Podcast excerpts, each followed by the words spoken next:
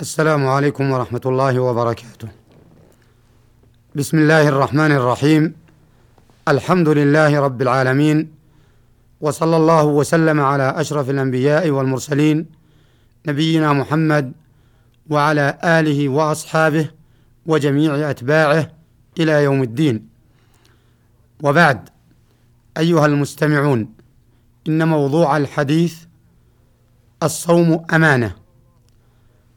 قال الله تعالى إن الله يأمركم أن تؤدوا الأمانات إلى أهلها.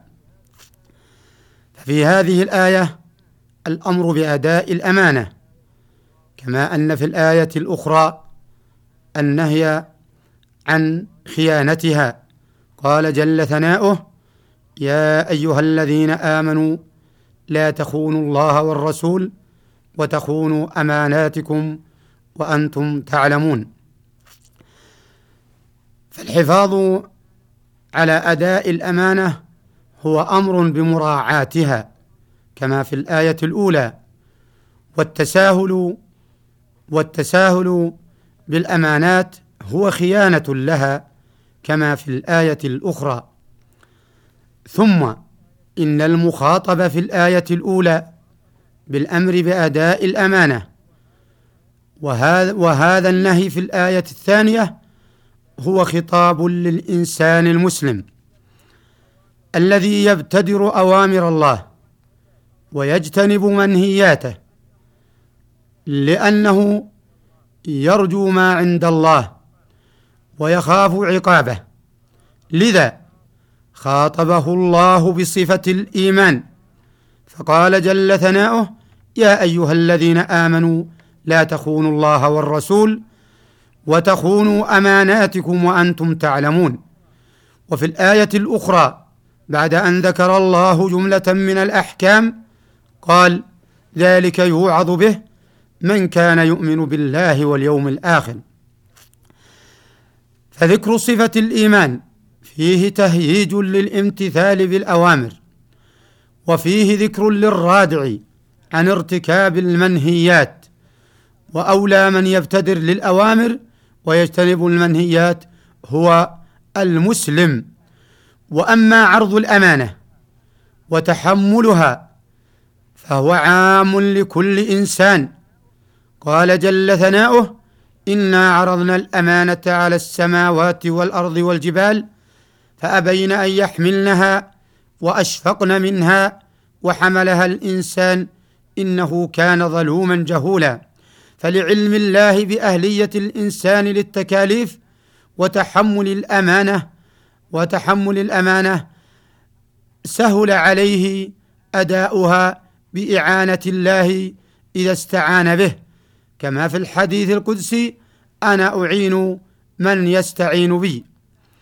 ألا وإن من أداء الأمانة ومن الحفاظ عليها ومن الحفاظ عليها أن يراقب الإنسان جميع ما أمر به لله أو للمخلوقين. فالحفاظ على العبادات ومعرفة الحرام ليجتنبه ومعرفة الصحيح من المعاملات ليتعامل بها ومعرفة الواجب ليعمل به ومعرفة الفاسد من المعاملات ليجتنب ذلك ولا يتعامل به مع المخلوقين كل ذلك من الحفاظ على الأمانة وعدمه من الخيانة. ثم يا أخي المسلم إن الله جل وعلا منحك الوسائل الكثيرة التي تحفظ بها أماناتك من جوارح عديدة وأفئدة واعية وأفئدة واعية. قال جل ثناؤه ولا تقف ما ليس لك به علم إن السمع والبصر والفؤاد كل أولئك كان عنه مسؤولا. فالجوارح عندك أمانة إذا استعملتها في عبادة الله في المعاملات الصحيحة فإنك قد أديت أماناتها. وإن أنت أهملت ذلك فقد خنت الأمانة وخبت وخسرت. وليعلم المسلم أن القيام بحق هذه الجوارح من المسؤولية الكبيرة التي سيسأل عنها ويناقش عنها يوم القيامة. قال جل ثناؤه ثم لتسالن يومئذ عن النعيم. إذا عرفت هذا يا أخي المسلم فاعلم أن صيام نهار رمضان الذي هو أحد أركان الإسلام والإسلام أعظم أمانة عندك. وأعظم أمانة في عنقك يجب الحفاظ على هذا الصيام الذي هو من جملة الأمانات. والحفاظ على هذا الصيام يكون بأمور كثيرة. اولا على البالغ العاقل الذي حضره الشهر في بلده أن يصوم في نهار رمضان فإن هو لم يصم فقد خان أمانته. قال تعالى فمن شهد منكم الشهر فليصمه ومن كان مريضا أو على سفر فعدة من أيام أخر يريد الله بكم اليسر ولا يريد بكم العسر. ثانيا أن الله جل وعلا أباح للمرضى أن يفطروا وللمسافرين أن يفطروا في نهار رمضان فقضاء ما أفطروه من أجل المرض أو من أجل السفر هو أمانة عندهم. فانهم قضوه وبادروا بقضائه فقد أدوا الامانه أمانة الصيام. وانهم تساهلوا بذلك فقد ضيعوا وخانوا أمانة الصيام. والمرض الذي يباح معه الفطر هو الذي يزيد الصيام مرضه أو يؤخر برأه ثالثا أن الله جل وعلا أسقط فعل الصيام عن الحائض والنفساء ولكن فرضية الصيام وباقية على الحائض والنفساء. فقضاء الصيام بعد الطهر وبعد شهر رمضان أمانة في عنقها. فلتحافظ على صيام الأيام التي أفطرته. رابعا إن الصوم جنة. وحصنا وحصنا حصينا عن النار وعن المعاصي في هذه الدنيا. فإن أنت حافظت على هذه الجنة عن تخريقها وعن إفسادها وعن ما ينقص ثوابها فقد حفظت هذه الأمانة. وإن أنت استعملت ما يفسد هذه الجنة وهذه السترة وهذا الحجاب وهذه الوقاية من النار فقد خنت الأمانة. قال جل ثناؤه يا أيها الذين آمنوا كتب عليكم الصيام كما كتب على الذين من قبلكم لعلكم تتقون أياما معدودات. وفي الحديث الشريف الصوم جنة ما لم يخرقها. وفي الحديث الآخر جوابا للسائل الذي سأل الرسول عليه الصلاة والسلام عما يدخله الجنة قال عليه الصلاة والسلام بعدما أخبره بما يدخله الجنة ألا اخبرك ألا أدلك على أبواب الخير؟ قال بلى يا رسول الله. قال الصوم جنة.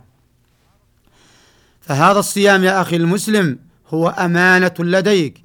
فاحذر كل ما يفسده فإنه خيانة به.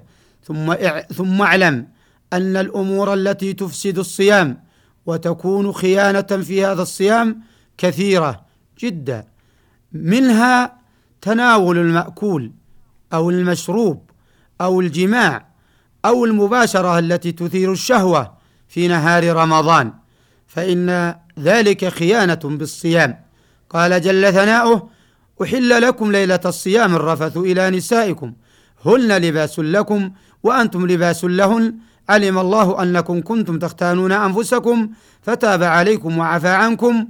فالآن باشروهن وابتغوا ما كتب الله لكم وكلوا واشربوا حتى يتبين لكم الخيط الأبيض من حتى يتبين لكم الخيط الأبيض من الخيط الأسود من الفجر ثم أتموا الصيام إلى الليل ولا تباشروهن وأنتم عاكفون في المساجد تلك حدود الله فلا تقربوها.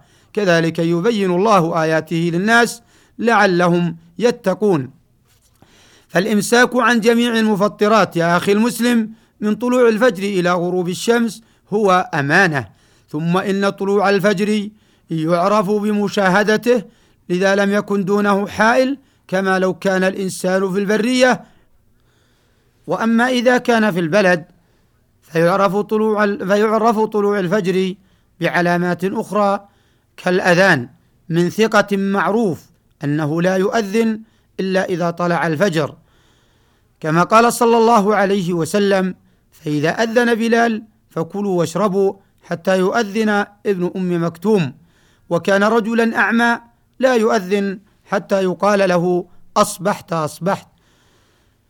ومثل أذان ابن أم مكتوم في بلدنا في الرياض الآن هو أذان الجامع الكبير للرياض وضواحيها فإنه بعدما يسمع الإنسان أذان الجامع الكبير من الإذاعة للرياض وضواحيها لا يصح له أن يتناول شيئا من المفطرات فإن تناول شيئا فإنه يعتبر خائنا لأمانته. وكذلك إذا كان هناك علامة أخرى على طلوع الفجر كعلامة يجعلها ولي الأمر كطلقة مدفع ونحو ذلك. والتباعد عن كل ما يفسد الصوم كقول الزور والغيبة والنميمة هو من الحفاظ على الأمانة على أمانة الصيام. والنية الخالصة بالإمساك عن المفطرات وترك المشتهيات في نهار رمضان من الأمانة بل في غاية الأمانات التي لا يطلع عليها إلا الله. ونظير هذا الصيام الوضوء والغسل من الجنابة. فإن المحافظ على الوضوء والمحافظ على غسل الجنابة والمحافظ على الصيام يعتبر محافظا على إيمانه وأمانته ويعتبر مراقبا لله جل وعلا. ولهذا ينظم هذا المعنى بعض العلماء بقوله غسل الجنابة في الرقاب أمانة فأداؤها من أكمل الإيمان وفي الحديث آه، عمل الصائم يضاعف. كل ذلك لأن الصوم يخالف السائر العبادات كالحج والصدقة والصلاة. فإن في هذه العبادات أعمال ظاهرة ولربما يشوبها شيء من الرياء أما الصوم فإنه من الأعمال الباطنة التي ليس فيها رياء. فلهذا صار في غاية الأمانات. فحافظ يا أخي المسلم على أمانة صيامك فإنه لا دين ولا إيمان لمن لا أمانة له. ونعوذ بالله من الخيانة فإنها بئسة البطانة. هذا ونسأل الله سبحانه وتعالى أن يوفق الجميع لما يحبه ويرضاه. وأن يقبل من الجميع الصيام والقيام وصلى الله وسلم على نبينا محمد وعلى آله وصحبه أجمعين والسلام عليكم ورحمة الله وبركاته.